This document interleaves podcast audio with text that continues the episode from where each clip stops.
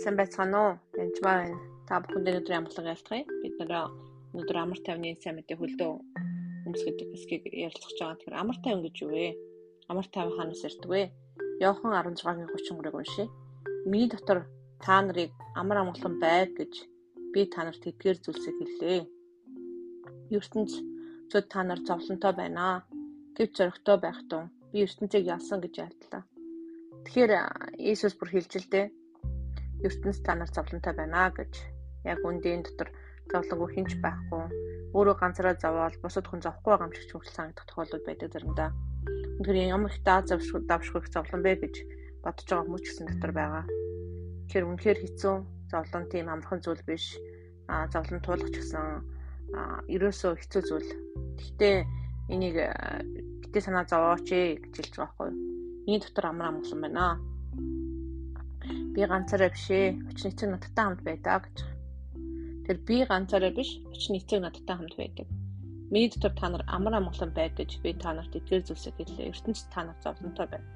Тэгээ бид нарт хэлсэн байл ертөнцид зовлонтой байхгүй шээ. За нар зовлонтой байна. Гэвч зөрөгтэй байх гэж. Учир нь надтай хамт байна. Миний дотор байх юм бол та нар амар амгалан байгаа гэж хэлж байгаа. Тэгэхээр Есүс Христ дотор амар амгалан байдаг. Тэгэхин хүмүүс амар амгалан өөр газар сайдаг. Эцгийн Есүс Христос Бурхнаар дамжуулаад ирд. Бурхнаас Есүстэй дамжуулж ирдэг зүйл. Амар амгалан бол ариун сүнсний үр дүнцийн нэгтэй бас. Тэр онцгой гайхамшигтай амар амгалан болохоор гадаа зовлонтой байсан ч дотор амар амгалан байна гэсэн. Есүс дотор энэ үүнийг хизээч одоо амар амгаланд орж үзээгүй хүн бол хизээч ойлгох байх л та. Гадаа өрчин хийгдээд гадаа гэрлэлч нь будаа болоод гадаа хүмүүс бүгдээрээ чамрууд арайад гадаа юу болж байгааг мэдэхгүй салхишур болж байгаа. Гэтэ яг гэрт байшин дотор хаад гаднаас нь харж байгаа юм шиг 50 амгалан байх явдал бол эсэс сэрдэг амар амгалан. Тэгэхээр хүмүүс бас энэ амар амгаланд мэдгүйгээсээ болоод хайдаг байгаа өөр газар сайдаг амар амгалан. Христийн дотор биш өөр газар сайдаг сүм чуулганаас сайгаад олдохгүй болохоор нь ч юм уу? Тэр зөвхөн Иесусийн өгдөг юмыг өөр газар сайдаг. Хайгаад байхгүй болохоор нь сольдог байгаа. High expectation буюу хүлээлттэй. Тэгээд тэр газар нь хань руусаа хайдаг тэрээсээ хайдаг. Одоо юу гэдгийг ажил мэргэжлээс хайдаг мөнгө сахгуугаас бизнесээс хайдаг амжилтаас хайдаг ингээд тэр газар очдог оцсон хоноо тэр амраа монголч юм уу таны хүссэн хүлээсэн тэр үр дүнд хүрэхгүй болохоор ундаг ба. Тэгэхээр эзнээс амар амгалан хайдаг, эзнээс амар амгалан ирдэг байгаа. Энийг маш сайн ойлгох явдал маш чухал. Тэгээд амар амгалан ирэхийн тулд цаа сүнсээр дүүрэн байх ёстой. Аа тэгээд Эфес 6-аас гадна Эфес 5-ыг уншаас уншаасаа гэж би үнэхээр та бүхэнд хүсэж байна. Хүсэн. Тэгээд Эфес 5 дээр юу байгаа бэ гэхээр дээр дарсан бус автуур ингүүл дураараа дөргөж байдал давтагдана.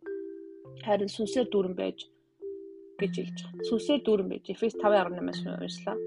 5:18 тэгээд 20 Бурхан болон эцэг бүхний төлөө бидний эзэн Есүс Христосийн нэрээр үргэлж талархал өрг.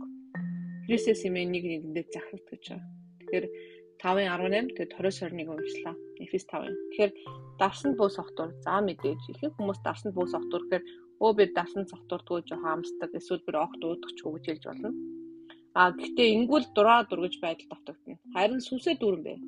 Харин сүнсээр тэгэхээр яг харьцуулж хэлж байгаа байхгүй. Давсаар согтох биш харин сүнсээр согтуу бай. Сүнсээр дүүрэн бай гэж хэлж байгаа.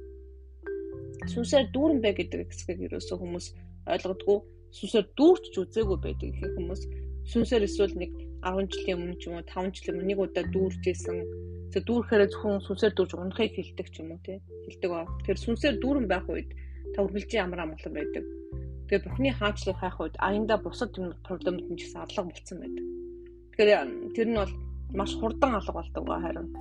Тэгэхээр гэтээ ямар бас онцгой тохиолдол байна л да.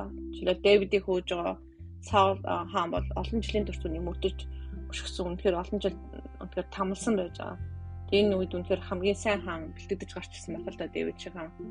Аа тэгэхээр тэрнээс биш үнэхээр эзнээс зөвшөөрөгдөг үү тийм юм дээр бол хурдан алга болдог ба. Тэгэхээр үнэхээр эзнээс бол одоо яаж чичээгээд яаж одоо залбираад яаж үчигээ тэр бүхэн алга болохгүй байгаа бол эцээс сайн асуух хэрэгтэй яагаад алгуулах хэрэгтэй мэ би таны би юу миний надад юу засагдах хэрэгтэй юм бэ гэж асуух хэрэгтэй гэсэн. Тэгэхээр юу хэлэх гээд байна гэхээр амар амгалан бол зөвхөн эсэс ирдэг. Та хайх гэж байгаа э, зарим юм а буруу газар хайх юм бол хүлээлттэй хайх юм бол тэнд хүсэн үр дүнд нөхгүй болохоор чи зарим хүн салчхуул нэг сайхан болох юм шиг өрөөд орчуул сайхан болох юм шиг эсвэл одоо энэ хүүхэд нь одоо сургуульд орчуул сайхан болох юм шиг эсвэл хүнтэй суучуул сайхан болох юм шиг ингээл дандаа ингээл ирээдүйд цаг дээр хайж идэг байгаа. Ингүүл тэгвэл тэгнэ. Яг амар амгалан бол яг одоо цаг дээр ажилладаг байгаа. Тэгээд эдэж тийм дандаа юм гуйж юм гуйж залбирч эзэн дээр очдог. Яг амар амгалан эзэн дээр очихын тулд зүгээр л эзэн дээр очих хэрэгтэй байгаа. Still know I am the God үе тэмцэлтгэ болоод намайг эзэн гэдэг мэдтгөө гэдэг шиг яг тайван амгалан эзэн дээр байх хэрэгтэй гэсэн үг. Очихоор очихоор аяндаа эзэн өөрөө амар амгалангийн бурхныг дээрөөсөө мартаж болохгүй. Христ дотор орох үед та амар амгалан дотор шууд ордог. Нэг тэмцэлдэж ч юм уу олж авч авдаг зүйл ерөөсөө биш. Тэгэд хайж байгаа газараа та нар сайн анзаараараа ханаас хайж байна вэ та? Амар амгалан Христээр байдаг